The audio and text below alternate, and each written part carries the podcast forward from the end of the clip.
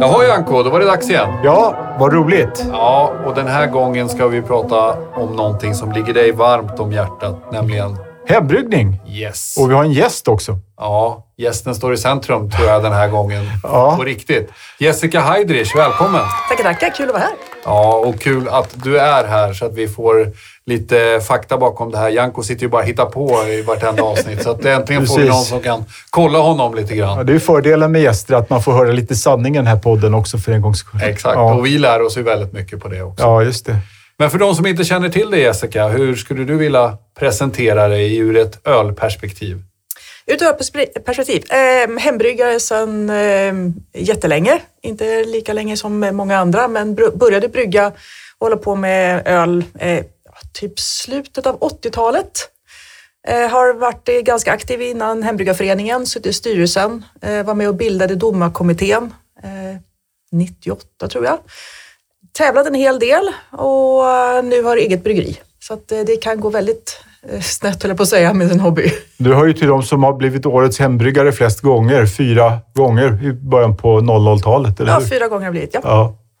Och när startade du? eh, när började du brygga kommersiellt och hos, hos vem, så att säga? Och jag började med Sankt Eriks bryggeri, det är jag som är mamma bakom det varumärket, anställd då utav Galatea.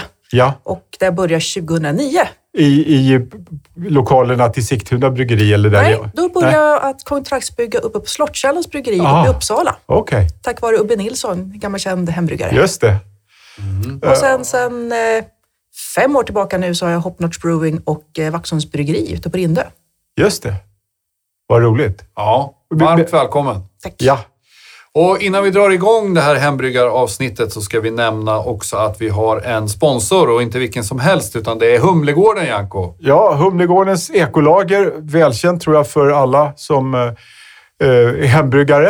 Eh, pionjären i, i, i Sverige började 1992, Svante Ekelin och hans fru Eva ute på Humlegården i, i eh, Ekskogen i Vallentuna. Nu är lokalerna på annan plats, men de säljer ju allt inklusive eh, rådgivning och sånt som har med hembryggning och även bryggning i större skala att göra. Jag hade det inte varit för Svante och Eva Humlegården så hade den svenska ölscenen definitivt inte sett ut som den gör idag. Nej, det är verkligen Nej, det är otrolig stolthet som att de sponsrar Janko-podden faktiskt. Så jag ska nämna bara det att de har ju, för er som lyssnar på det här som kanske inte har börjat brygga, utan så har de ju startkit och framförallt väldigt mycket kunskap kring det här. Så att de, bara att höra av sig till Humlegården om man vill komma igång och de säljer ju till till hembryggare, till små bryggerier, till stora bryggerier, till alla. Och det är inte bara Humle, utan de har ju en, en hel del annat. Ja, absolut. Jag tror nästan alla i personalen är hembryggare också, så Ja. att de kan verkligen det de jobbar med. Ja, exakt. Och har haft över 10 000 kunder vid det här laget. Så hör av dig till Humlegården, gå in på humle.se och botanisera där. Och eh, vi är som sagt både stolta och glada över att de sponsrar detta avsnitt. Ja, jag vill tillägga, apropå sponsrat, Humlegården har sponsrat samtliga svenska mästerskap eh, i hembryggning. Så att eh, de har ju deltagit, eh, inte bara som leverantör, utan också som eh, sponsor i det sammanhanget. Vana sponsorer. De sponsrar Ja. bara högkvalitativa saker som Janko-podden och Hembryggar-SM. Pre- Precis. Kul! Nej, men då tycker jag vi drar igång. Janko, ska vi sätta in det här lite grann med hembryggning i någon slags historisk Ja, kontext? precis. Alltså, hembryggning är ju ett lite marigt begrepp på ett sätt. För eh, innan ölindustrin fanns så bygg, bryggde ju folk, åtminstone här i Norden, öl hemma. Eh, Det är det som etnologer kallar för hemöl. Men som modern rörelse så kan man säga att, att man får gå tillbaka till 1960-70-talet. Det skedde en lagändring i Storbritannien 1963 när det blev tillåtet att brygga hemma. Eh, en framväxt, framförallt under 1970-talet. Man räknar med att det i Storbritannien fanns fler än två miljoner hembryggare 1978. Ungefär den tiden då så grundades eh, något som internationellt har blivit väldigt inflytelserikt. eh, American Homebrewers Association i Boulder, Colorado. eh, Av en kille som heter Charlie Papazian. eh, En sorts gudfader för världens hembryggare och Charlie Matson. De började ge ut en tidskrift som heter, heter Zymergy eller Zimmergy. Zymergy. Eh, de har varit pionjärer när det gäller precisering av öltyper och deras utveckling. Eh, de började med tävlingar redan 1979 eh, och grundade Great American Beer Festival 1983 som är öppen både för hembryggare och eh, kommersiella bryggare från början. Det här var då samtidigt, får man tänka sig, som Michael Jackson, journalisten från Storbritannien, började med sina ölböcker i slutet på 70-talet. Så att det här var en tid liksom när snack om öltyper och, och att börja nörda ner sig i öl blev liksom en medelklasshobby eller ja, var mans grej. Öl hade varit mer av en så här oreflekterad mm. industrivara tidigare. Så, um, Papazian gav ut en bok som heter The Complete Joy of Homebrewing. Uh, sen har det kommit många andra böcker efter det, men det är väl också någon sorts uh, jag har sett på väldigt många listor på nätet när jag preppade inför det här programmet, så är det liksom, den nämns alltid som någon sorts så här, den ska ni nog ha också. Liksom. Men det som också var så väldigt skönt med dem när de började, Papazians saying är ju relax, have a homebrew. Mm. Att det inte var så, öl är kul, mm. relax, det ska inte vara så krångligt, inte så pretto.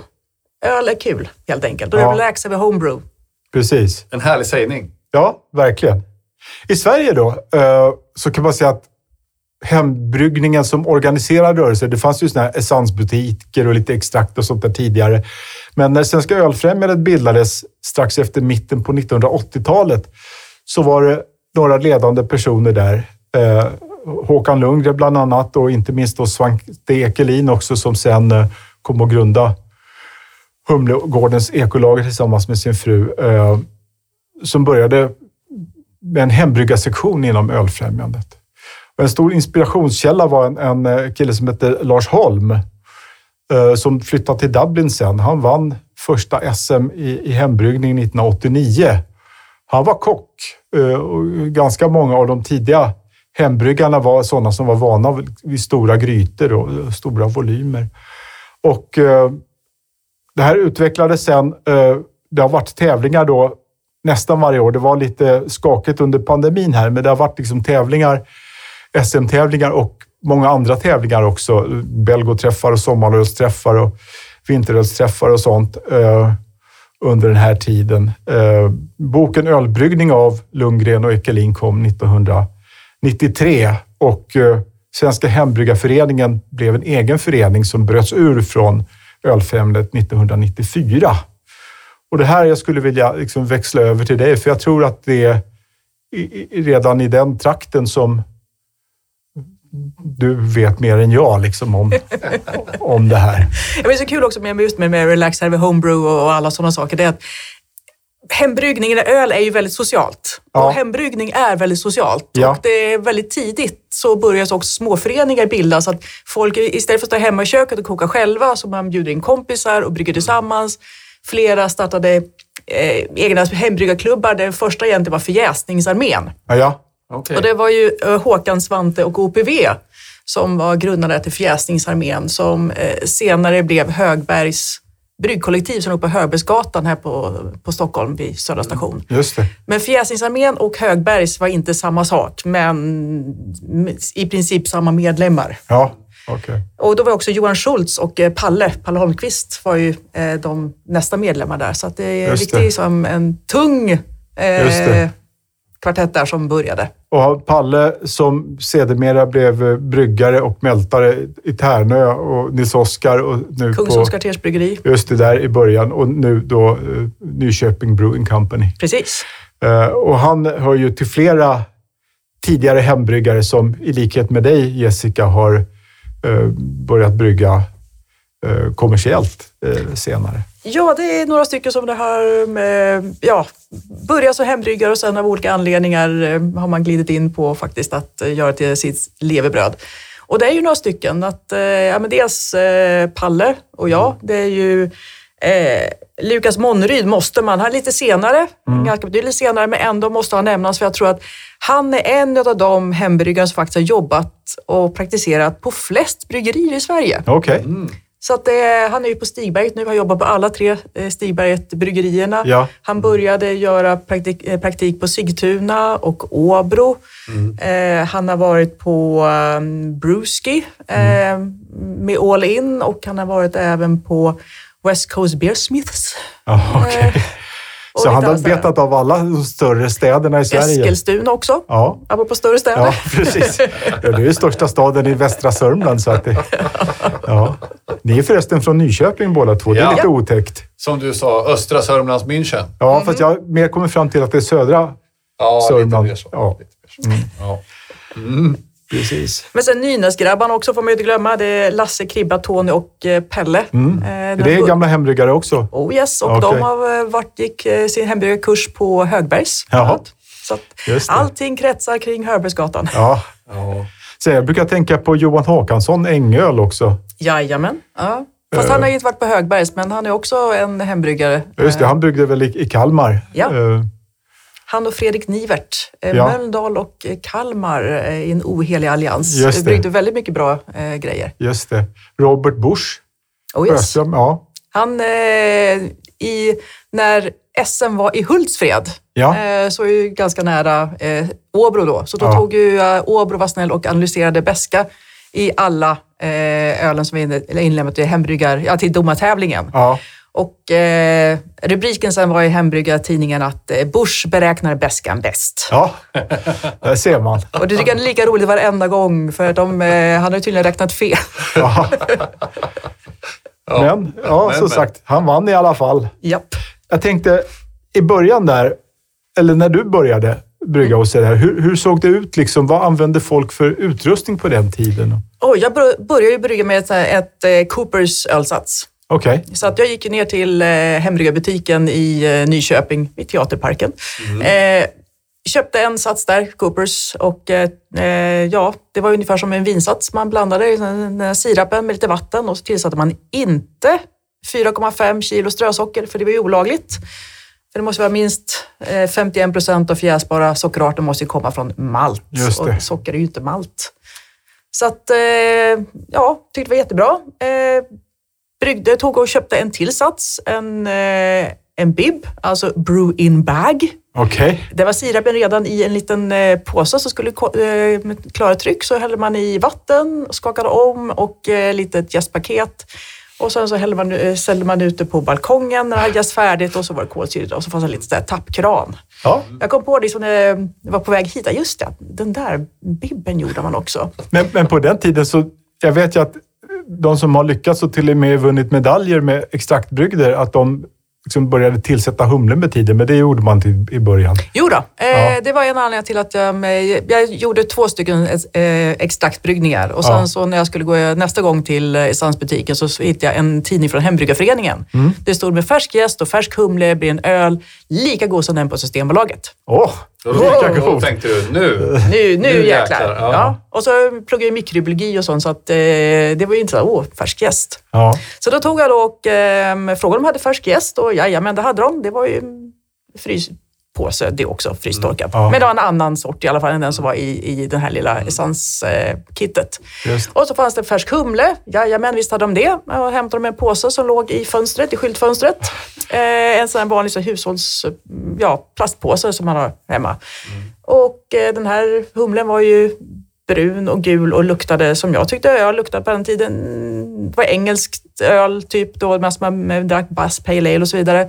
Och det var ju ja, men lite läder och lite ostigt och så vidare. Så ja, men så var det. Och eftersom eh, mikrobiologi och så vidare, var intresserad av sånt, så måste man ju som sterilisera och avdöda. Renlighet är ju som otroligt viktigt eh, Ja. när man brygger. Så då eh, kokade jag det här. För att eh, koka upp saker, det dödar. Ja. Eh, så att då kokade en näve eller två ett tag. Till jag tänkte nu har ju som allting dött här och hällde i och det var det bäskaste, jävligaste ölen jag och mina polare någonsin har druckit. Okej. Trots att den var brun och oxiderad uppenbarligen. Ja, men det var, det var action i den i alla fall. Ja. Eh, och, eh, men efter det så har man ju börjat lära sig lite mer där om Ja. oxidationer och eh, ljuskänslighet av humle och alla sådana saker. Så att, eh, Jag kommer ihåg den här boken Ölbryggning då, som Svante Ekelin och Håkan Lundgren skrev eh, i början på 90-talet. Där så rekommenderar de, alltså när de listar utrustningen, då är det liksom man ska ta sin största gryta. Eh, man ska ta en plasthink och borra hål i den. Det var liksom ganska eh, rudimentära eh, saker som ansågs krävas i början jämfört med hur det har utvecklats Mm. senare. Ja, men det började med mormors skinkgryta. Det var den största gryta vi hade, 30 Ja. liters. Eh, jag fick låna mamma och pappa på villkoret att eh, alltid lämna tillbaka den till jul för att koka skinkan i. Ja. Så att det var alltid de två, tre första bryggningarna efter jul var alltid, ja, men fick man en så här, ja, slänga. För det var svårt att få ur eh, skinkflottet ur den där grytan. Okej. Men eh, så att det var mormors skinkgryta och det var eh, hinkar, jajamän, som man Ja. borrade hål i. Och, Men det eh, funkar. Jajamän, och det är fortfarande idag så tycker jag nästan att jag tar ju ganska mycket praktikanter från olika eh, bryggeriteknikutbildningar. Ja. Eh, för att det är väldigt roligt och då behöver man liksom lära sig själv. Och liksom att det är alltid kul. Man lär sig alltid någonting Just det. eh, med nya praktikanter. Och jag tycker fortfarande att eh, man borde egentligen även på utbildningarna faktiskt köra hink-i-hink. Just det. För att förstå hur det faktiskt Ja. fungerar. Just det. För det är flera praktikanter som jag har haft som har frågat, "Ja, men varför ska man recirkulera vörten för? Ja. För de har bryggt i ett eh, Braumeister eller Grainfader-bryggverk. Så förstår liksom inte riktigt Du har hur inte det sett det liksom? Nej. Rent, nej. Och, och det är som maskiner som gör allt åt dig i princip. Ja. Ja. Att kalla det bryggning är liksom ett hån Nej. mot bryggkonsten att eh, brygga i ett sånt bryggverk. Ja. Jag har själv en Braumeister, jag älskar den. Men jag började i Hinke Hink och jag tror Just jag har det. ganska bra pejl på hur faktiskt Ja. saker fungerar. Jag har ju aldrig bryggt någon gång, eh, men jag har tänkt eh, ibland när jag snuddat till tanken att om jag någonsin ska göra det så ska jag göra det med borrad plasthink och, och gryta. Eh, just för att eh, fatta vad det är man gör. Jag tror att man eh, eh, lär sig mer av eh, de olika stegen då helt Oh ja. enkelt. Jag tror alla som lyssnar Janko undrar, varför har du aldrig bryggt någon öl någon hur kommer det sig? Har det varit en princip att du inte vill göra det? Alltså, jag, jag är som personlighetstyp, tror jag, en, en utpräglad teoretiker. Uh, alltså, jag skyr fysiskt arbete och bryggning är ganska fysiskt. Eh, så jag har varit rädd för det helt enkelt. Jag, jag har eh, träffat Svante Ekelin när han hade hällt brinn, eller kokhet vört på sin fot och gick med kryckor. Det vill inte jag. Och sådana grejer. Man tänker så här, jag kommer få sträckning i, i, i korsryggen om jag ska vrida mig och ta den här tunga kastrullen av spisen. Och, och sådana saker. Det verkar så jobbigt. Du älskar arbete, du kan titta på i timtal. Jag kan titta på ett timtal. Nej, men jag tycker det är roligt att, att titta när du och Magnus jobbar på bryggeriet till exempel. Det är, det är jättekul, men eh, nej. Sen, eh, på sätt och vis då, eftersom jag liksom aldrig på allvar har jobbat åt något bryggeri och inte heller har bryggt, så gör det ju att man kan sätta sig liksom i positionen som oberoende teoretiker lite grann och ställa dumma frågor. Eh, Jessica har ju fått många frågor under säkert 25 år. Patrik Holmqvist, Palle detsamma och andra bryggare också. Så att det är liksom... Eh, ja, man får fördjupa sig i det som man är minst dålig på, tror jag. Ibland är det också väldigt bra att få frågor från någon som inte är så ja, insatt i jag säga. För då måste man fundera. Att, hmm, ibland är det väldigt bra grejer som gör att man, liksom, man måste fundera på att omvärdera vad man håller på med egentligen och Ja. varför. Så att det är också därför som jag tycker så väldigt mycket om att ta praktikanter. Det. För då får man frågor som man faktiskt måste fundera över. Ja. Är det verkligen smartast så som jag jobbar nu eller så som Ja. jag tänkt? Eller, och vad händer? För det är också det att de senaste fem, sex åren så har ju utvecklingen gått så otroligt fort när det gäller nya kunskaper och sånt också. Just det. Och det med utrustning, ja, men vi började hink i hink och så vidare. Ja. Vi pratade redan också om vad hur ser bryggeriutrustning ut idag, eller hembryggerutrustning Ja. idag egentligen? Och det är, ju, men, när jag började, då, hade man ju, då kylde man ju med, med att ställa ner eh, hinken eller kastrullen då i badkaret, eller med isblock. Eh, pumpar fanns ju inte. Eh, jag tror fem år efter de här bryggare, sex år efteråt, så eh, var det någon som skrev, jag tror det var en, en engelsk tidning som jag hade hittat, där de gjorde en kylare med kylspiral helt enkelt. Och det var någon som sa att ja, men på Järnia, så sån här, kopparrör som är så broms, bromsledningsrör, de kan man bocka som eh, varmglödgat. Så att då byggde vi en kylare utav eh, kopparrör och sådana saker. Du fattar nu, Peter, varför jag inte brygger? Ja, ja, jag fattar. Ja. Vi hade, ing, vi hade ingen kross heller, men vi köpte ju krossad malt. Eh, vann på ett SM eh, någon gång en mjölkross, eller mjölkvarn, Ja. så för hemmabruk. Då Okej. äntligen kunde vi köpa helmalt och krossa själv. Är det bättre? Gör det färskare. Ja. Det, är också, det finns lite grann fettsyror i malten som oxiderar. Så att, eh, kan det. man, ju- färskare man, kan krossa den desto bättre är Är det. det samma princip som hemma, att man, när man kryddar helt enkelt? Att Ja, det är ja. bättre att liksom ha dem- Precis, perfekt. Ja. Ja, Mm. bra liknelse.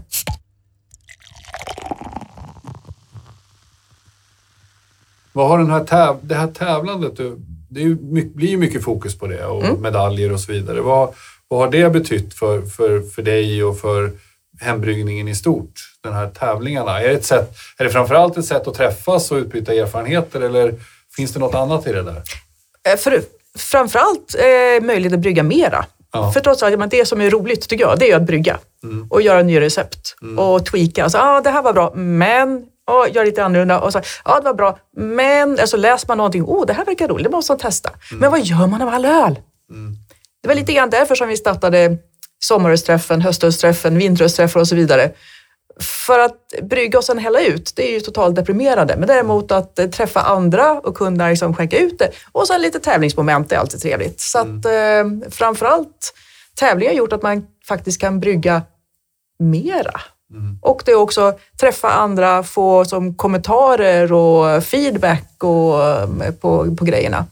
Visst brukade du lämna in i många klasser också? Ja, absolut. Det Så, är, eftersom det är roligt att brygga så, och sådär. Ja. Oh ja. Du hör ju till de bryggare, eh, vad jag har förstått, eller så, som jag förklarar i mitt huvud, som, som har varit bäst på att, att få ett slutresultat som liknar det som du har haft i huvudet, eh, liksom när du planerade brygden. Och du nämnde ju för en stund sedan här att, att du är mikrobiolog eh, i ditt liksom, tidigare Jag har läst lite mikrobiologi och biokemi. Ja. Ja, precis.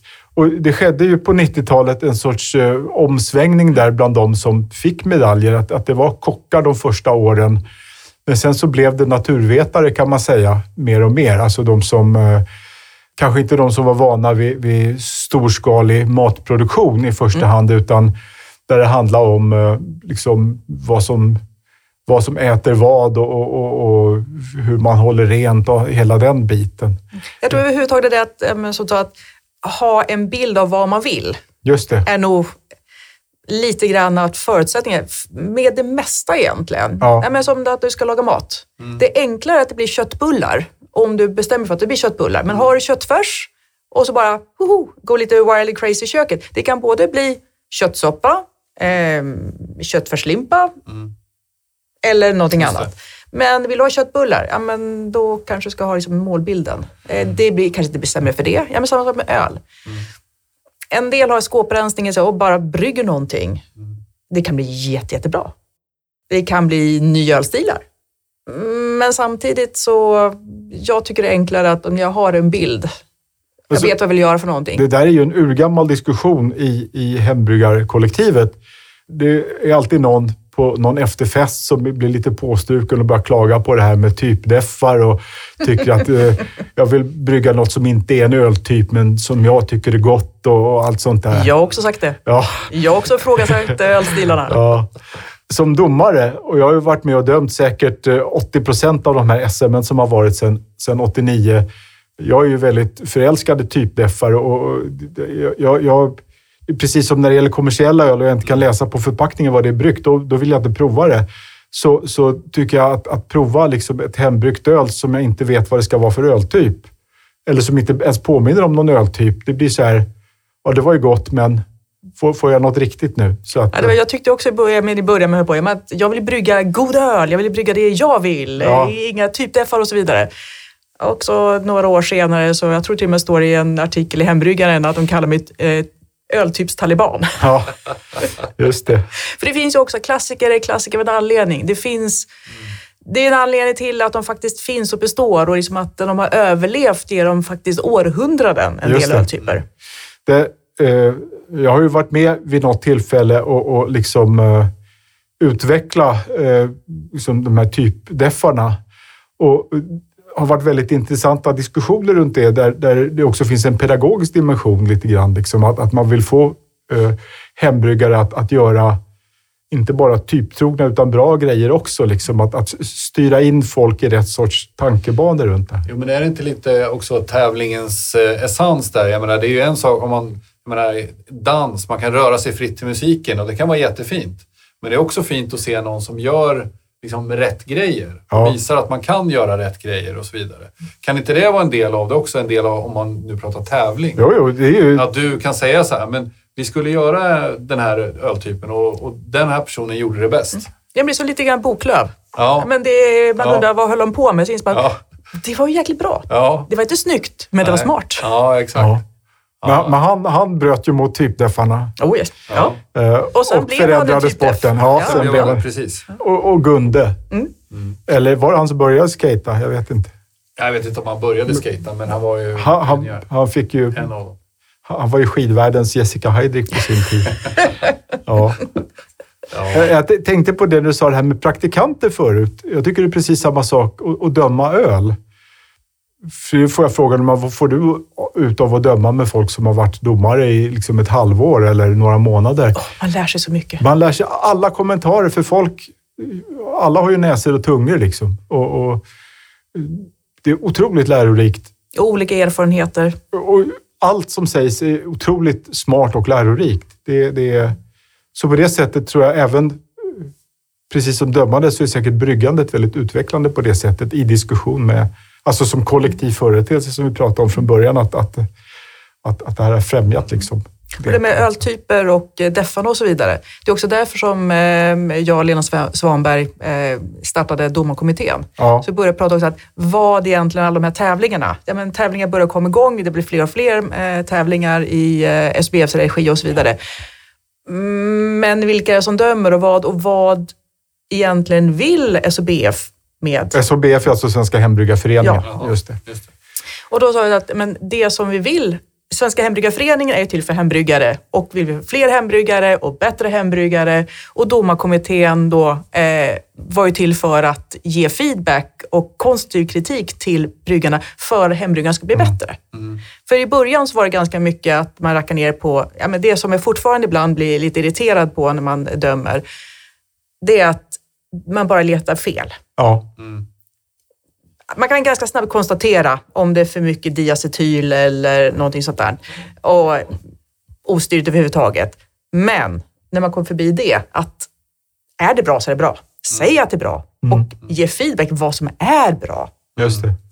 Självklart man ska ge negativ, ja, ja, konstruktiv kritik också. Ja. Men samtidigt, glöm inte bort det som är bra. Nej. Öl är gott, öl är roligt. Det är ju ganska ofta som man får en brygd framför sig som är liksom eh, helt korrekt, förutom något. Och då förtjänar det att nämnas. Jag vet att det har klagats bland bryggare genom tiderna på att, att en del liksom, kommentarer har varit eh, onödigt eller ensidigt hårda på det sätt som du beskriver. Det där tycker jag är bland det svåraste. Det, man förutsätter ju som domare att, att eh, ge råd till bryggaren. Och jag som inte brygger själv, jag har ju ingen aning. Jag kan ju bara säga om, om jag tycker det hamnar utanför typen eller inte, om det var för beskt eller alltså. Sen får ju bryggan tänka själv. Där. De som brygger själva, ibland tycker jag att mina meddomare är lite för kaxiga, att de tror sig veta lite för mycket om hur ölet är gjort. Mm. Men är det inte så att man i de här protokollen man ska skriva gärna liksom några kommentarer just i, just i de här tävlingarna som vi pratar om nu? Oh ja, det, men det är ganska tidpressat. Det är ganska mycket öl som ska gås igenom. Det, är också, det, är, det är också väldigt viktigt att komma ihåg de här små orden.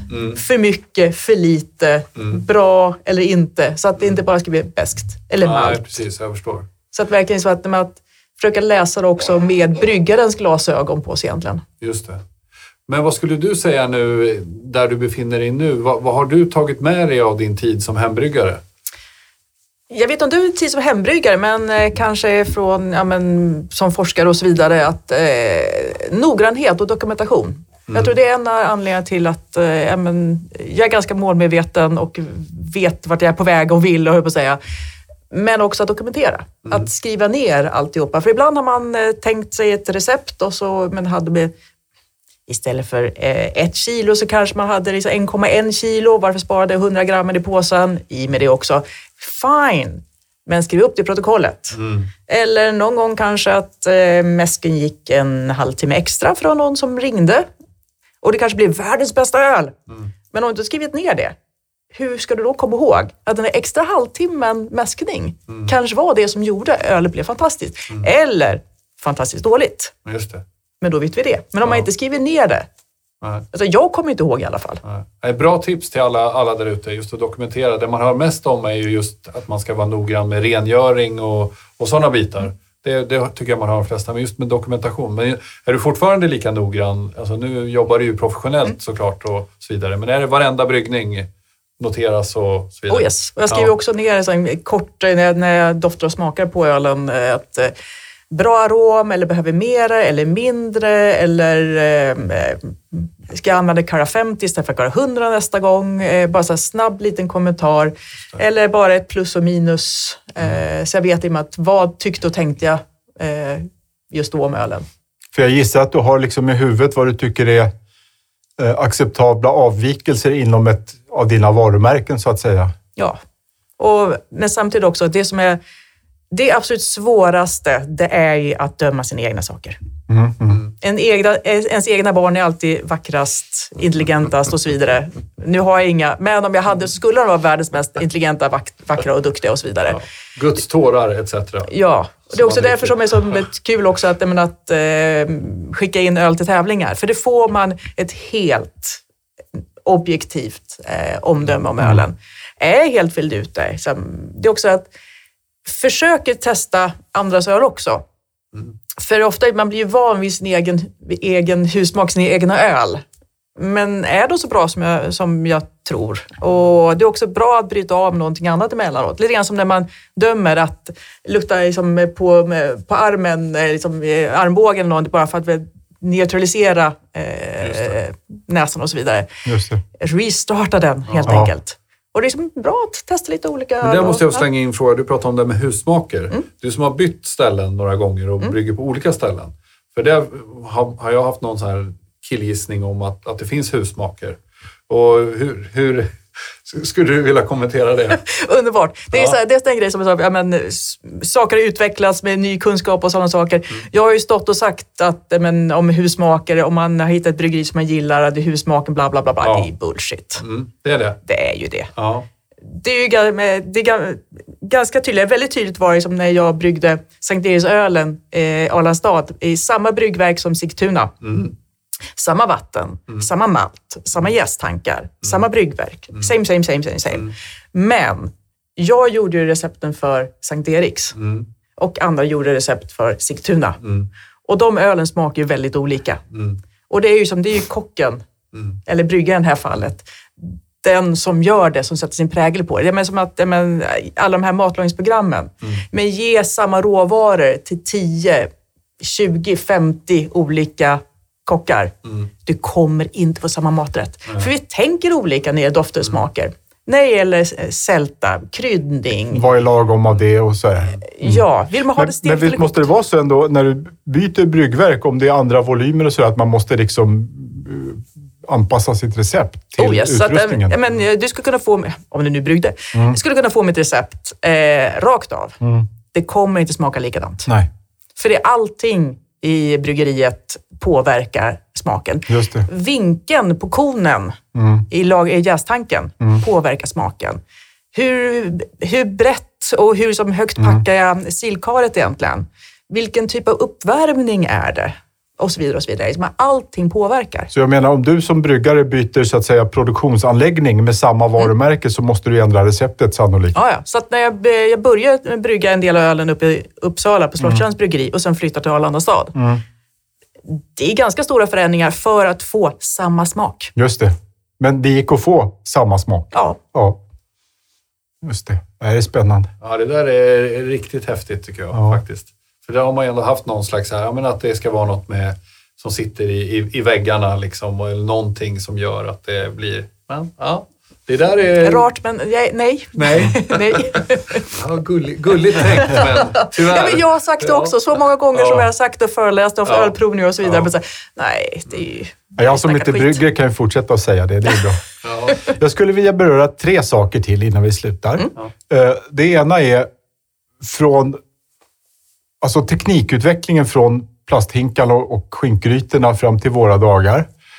Eh, Det andra är liksom trender eh, från des, den tid som du var mest aktiv hembryggare för 15-20 år sedan fram till idag. Och lite grann hur man ska tänka om man vill börja brygga hemma 2023. Så om vi börjar där med teknikutvecklingen.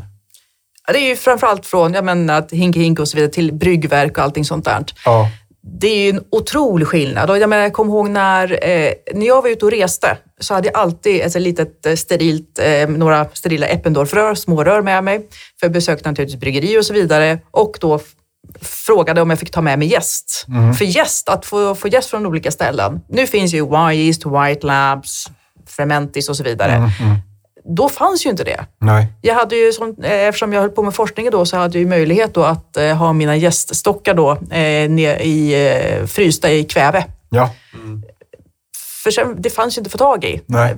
Men sen började Humlegården och Svante ta in eh, Y-Yeast. David Logström startade 85, tror jag till och med han startade eh, Y-Yeast. Så kunde man få färsk jäst. Mm. Och det var ju framförallt mycket belgoöl. Eh, engelsk ale och sådana saker, men eh, Belgien var ju som eh, det stora nya öllandet, att säga. öl som smakade någonting. Mm. Och det var enkelt att åka ner till Belgien och eh, besöka trafikkostnader. Fick man ju inte besöka, men i alla fall komma i närheten av att dricka deras öl. Mm. Suröl och sådana saker, Catillon. Jag kommer ihåg första gången jag smakade, smakade Catillon. Det var häftigt. Ja, jag förstod jag. ingenting. Nej. Absolut ingenting. Men tyckte det var ju spännande. Det är stor skillnad alltså på tekniken idag mot då, om vi pratar hembryggning. Oh ja, råvaror och sådana saker också. Ja, tillgången till det liksom. Ja, kunskap. Men det, man fick ju... om någon kompis eller någon kollega åkte till USA så bad man ju som snälla, snälla kan du liksom en, en, en Symage eller någonting. När jag var ute och reste, jag gick ju alltid iväg till bokhandlar och så vidare för att köpa liksom öltidningar och ölböcker och sådana saker. Det fanns ju inte internet och sådana saker. Det var ju bara tidningar och liksom lånade tidningar av varandra. Mm. Så Där det, har man ju som lite heliga artefakter hemma fortfarande, gamla Mm. Zymergy eh, temaavsnitt från slutet på 80-talet. Och så. Har de, har de dem bakom glas och ram? Nej, i någon låda någonstans. Ja. Men de, ja, tyvärr har jag ju genom alla flyttar och sånt har jag slängt alldeles Ja. för mycket, inser jag. det borde jag också göra i och för sig. Men eh, det som är liksom vanligare idag, menar du, de här eh, bryggverken, det är, det är ju som ett riktigt bryggverk fast i någon sorts koncentrerat miniformat. Är det så? Ja, framförallt att det, du kan ju styra, det finns ju temperaturstyrning och sådana saker. Så, att det är ju Så du mäskar och kokar och allting? Ja, du programmerar helt enkelt så Mm. sköter det temperatur och alla sådana saker själv. Eh, Du och jag pratade ju om det här att redan i- på 90-talet så fanns det hembryggare som programmerade sina tvättmaskiner för att eh, Liksom, de, de, de la i en, en maltsäck i, i tvättmaskinen och så körde de med Mm. Dan Åkerlund var en av dem som eh, eh, hörde som att brygger i en tvättmaskin. Mm. Jag förstod inte hur det gick till. Tills jag insåg att okej, det var en toppmatad tvättmaskin. Ja, Eh, Ja, det var lite lättare. ja. och det, också, det har ju temperaturstyrning där och allting, Ja, så att det är alldeles utmärkt.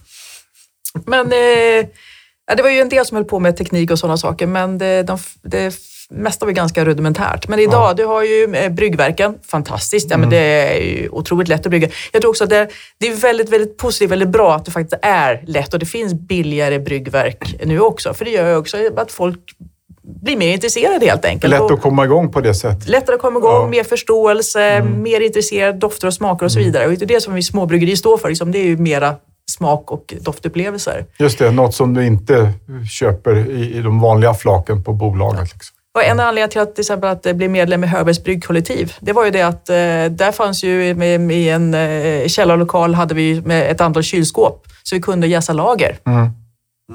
Idag finns ju, inte, jag ska inte säga billiga, men eh, i alla fall överkomligt pris på glykolkylare som du kan ha för hemmabruk.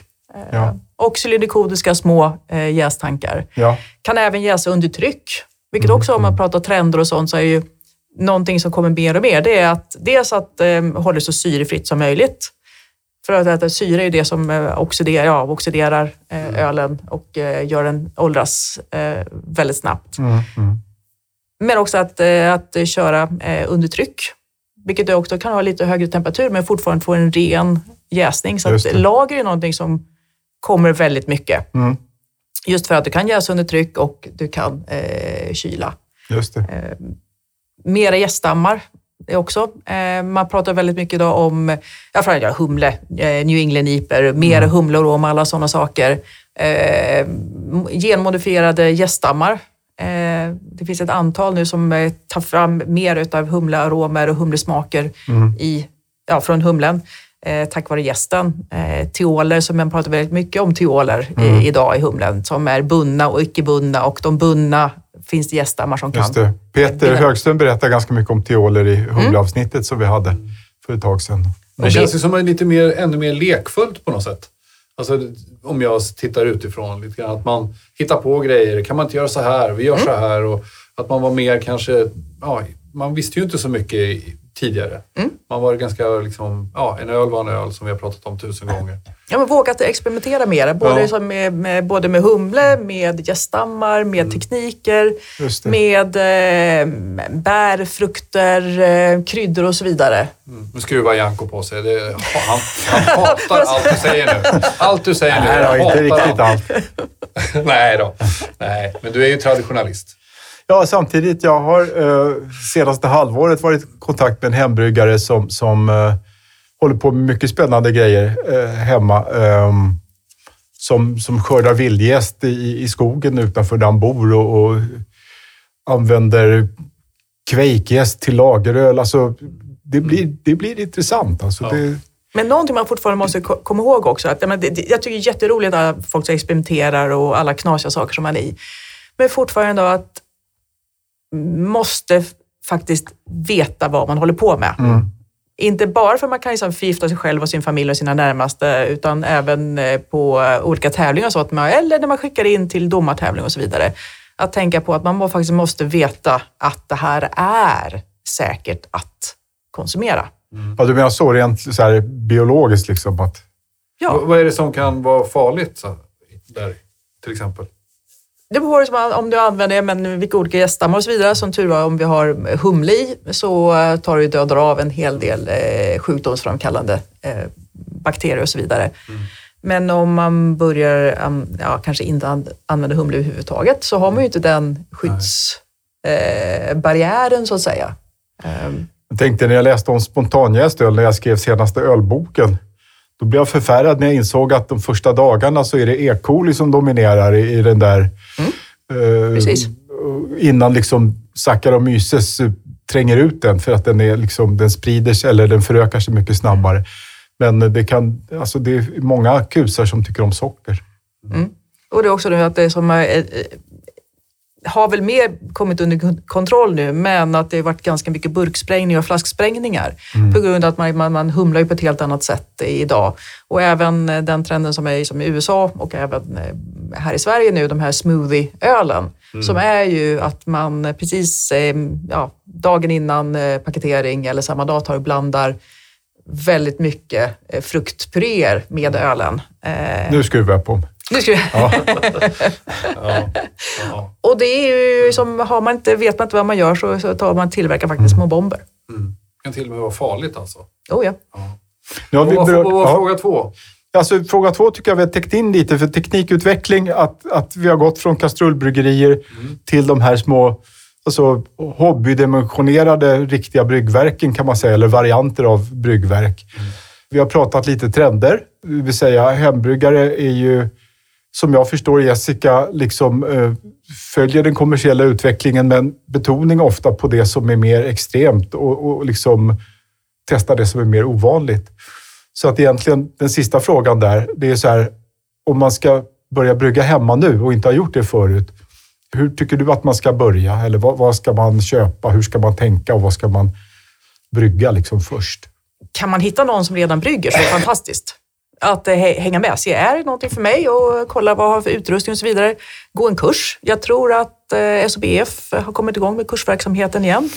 Så att, eh, Efter pesten? Eller? Efter pesten, ja. Eh, Det finns en del online också, men att ja, men, öl och bryggning är socialt. Att ja, men, skaffa ett bryggverk tillsammans. Ja. Det är också det. Att, ja, men det är, hur mycket brygger man om året egentligen? Hur många gånger? Jag kanske är extrem, eller varit extrem, så att jag har bryggt ganska mycket. Men ändå så har bryggverket ju stått ganska mycket emellanåt. Så att, men gå tillsammans några stycken. Vad, vad kostar ett, ett bryggverk som inte hör till de dyraste så att säga? Mellan 3 och 15 000. Okej. Så att Det är inte jättedyrt då om man köper det billigaste segmentet där. Nej. Så man bara köper bryggverket tillsammans så kan man ha e egna jäskärl och alla sådana saker. Utan Just bara det. själva bryggverket tillsammans. För det är som mest, då kan man kanske lägga några fler kronor på det och få ett... eh, Precis som li- ett kommunbryggeri i Åby Falsterbo. Ja. Åh, nu lyser ögonen på Ja. honom. Ja. Ja. Det är sant. Vad, vad, hur ska man tänka då när man bestämmer sig för sitt första recept? Då? Eller vad, vad ska, ska man titta på någon sån här tävlingsbrygd? då? Och, eller vad, vad, det, det finns ju rätt mycket recept på nätet Det finns exempel. ganska mycket också kit som du kan köpa färdigt. Så det behöver du inte, för då behöver du inte köpa eh, fem kilo karamellmalt fast du kanske bara behöver 200 gram eller någonting. Mm, Så att, eh, det finns ganska mycket kit färdiga. Så att eh, på de flesta olika eh, hembryggarbutiker och så vidare på, på nätet så finns det färdiga kit. Så att, Mm. Ja. kolla vad du tycker om det här verkar ju skoj. Och, Till exempel på Humlegårdens ekolager. Ja. Ja, men ale. Eh, jäser eh, rumstemperatur. Eh, då får du instruktioner med. Du får liksom alla grejer uppvägda och färdiga. Du behöver inte köpa för mycket, eh, inte för lite. Du har inte saker över. Och det står hur du ska göra helt enkelt. Så att, eh, det är det absolut eh, enklaste. För jag vet på gamla tiden, då, de flesta började liksom med en sån här 5,5-procentig amerikansk pale ale. Det var liksom första brygden för många. Eh, Eller det- engelsk pale ale. Ja, precis. Men det ansågs säkert liksom. Mm. Att, att det är minst risk att det går åt pipan helt enkelt. Och då, så, så länge det inte är fikterat så blir det ofta gott, drickbart. Ja. precis. Och är det ens eget så tycker man alltid att det Alltid är bäst. lite godare. Jag har bryggt två gånger. Och Ja. Man tycker ju alltid, man vet ju att det inte är något bra, men, men, men de flesta som man bjuder det på tycker att det är kul. Att det är, åh, har du gjort eget öl, du vet, Ja. jul, sådär, att det är roligt och sådär. Och just gjort som du köpt sådana här färdiga, alltså, alltså det är, man brygger på riktigt men allt är liksom uppmätt och klart. Men det är riktiga grejer, det är liksom inte några låtsasgrejer. Och det, då får man en bra förståelse för hur det, hur det funkar. Så att det, ja. Och det brygger kul. Ja, ja men jag tycker det, det, du började med att säga det. Jag tycker det är jättebra medskick. Just att, att det ska vara roligt. Liksom. Det ska vara... Ja, det är väl hela poängen med det. Det är Liksom. därför vi gör det. Ja, precis. Precis. Ja, det var väldigt roligt att ha dig här och eh, jag tycker det var en, en eh, uppmuntrande pratstund faktiskt. Eh, Det här, är- jag har levt bredvid hembryggningen sedan sen, slut på Brev, du är mi- mitt i den. Ja, fast inte i bryggningen, men jag har liksom dömt ut brygd efter brygd. Så. Men man får smaka otroligt mycket goda saker. Och eh, det har varit roligt att se också hur kvaliteten har... Eh, den har i och för sig varit hög i många år nu, men det, det, det, är ju bra saker som görs. Alltså det, det antalet... Eh, det sker ju alltid att, att man stöter på brygder med tekniska problem när man dömer i SM till exempel. Men överlag så är det ju ofta väldigt typtrogna brygder. Sen så går det liksom tidsmässigt så, så det, var ett tag när många domare klagade på att iperna var för trötta i humlekaraktären och sådana saker. Det gör vi även på kommersiella eh, dömningar Ja. också emellanåt. Absolut.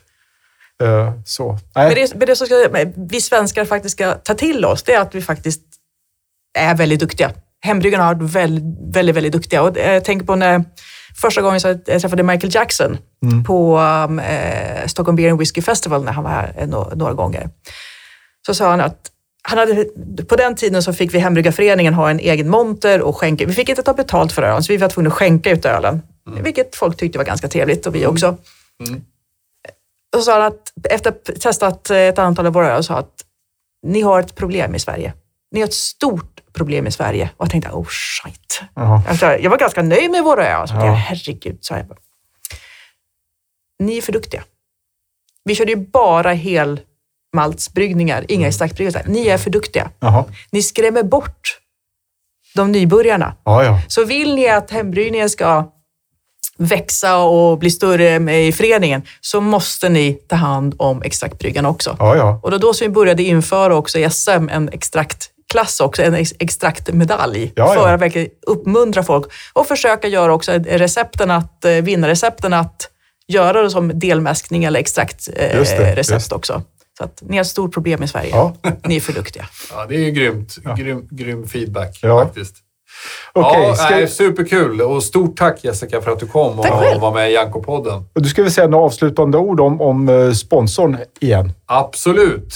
Det är ju med stolthet och lite darr på stämman jag säger att det är Humlegården som sponsrar Janko-podden. Och Inte fastighetsbolaget utan Humlegårdens ekolager. Exakt, Humlegårdens ekolager för att förtydliga.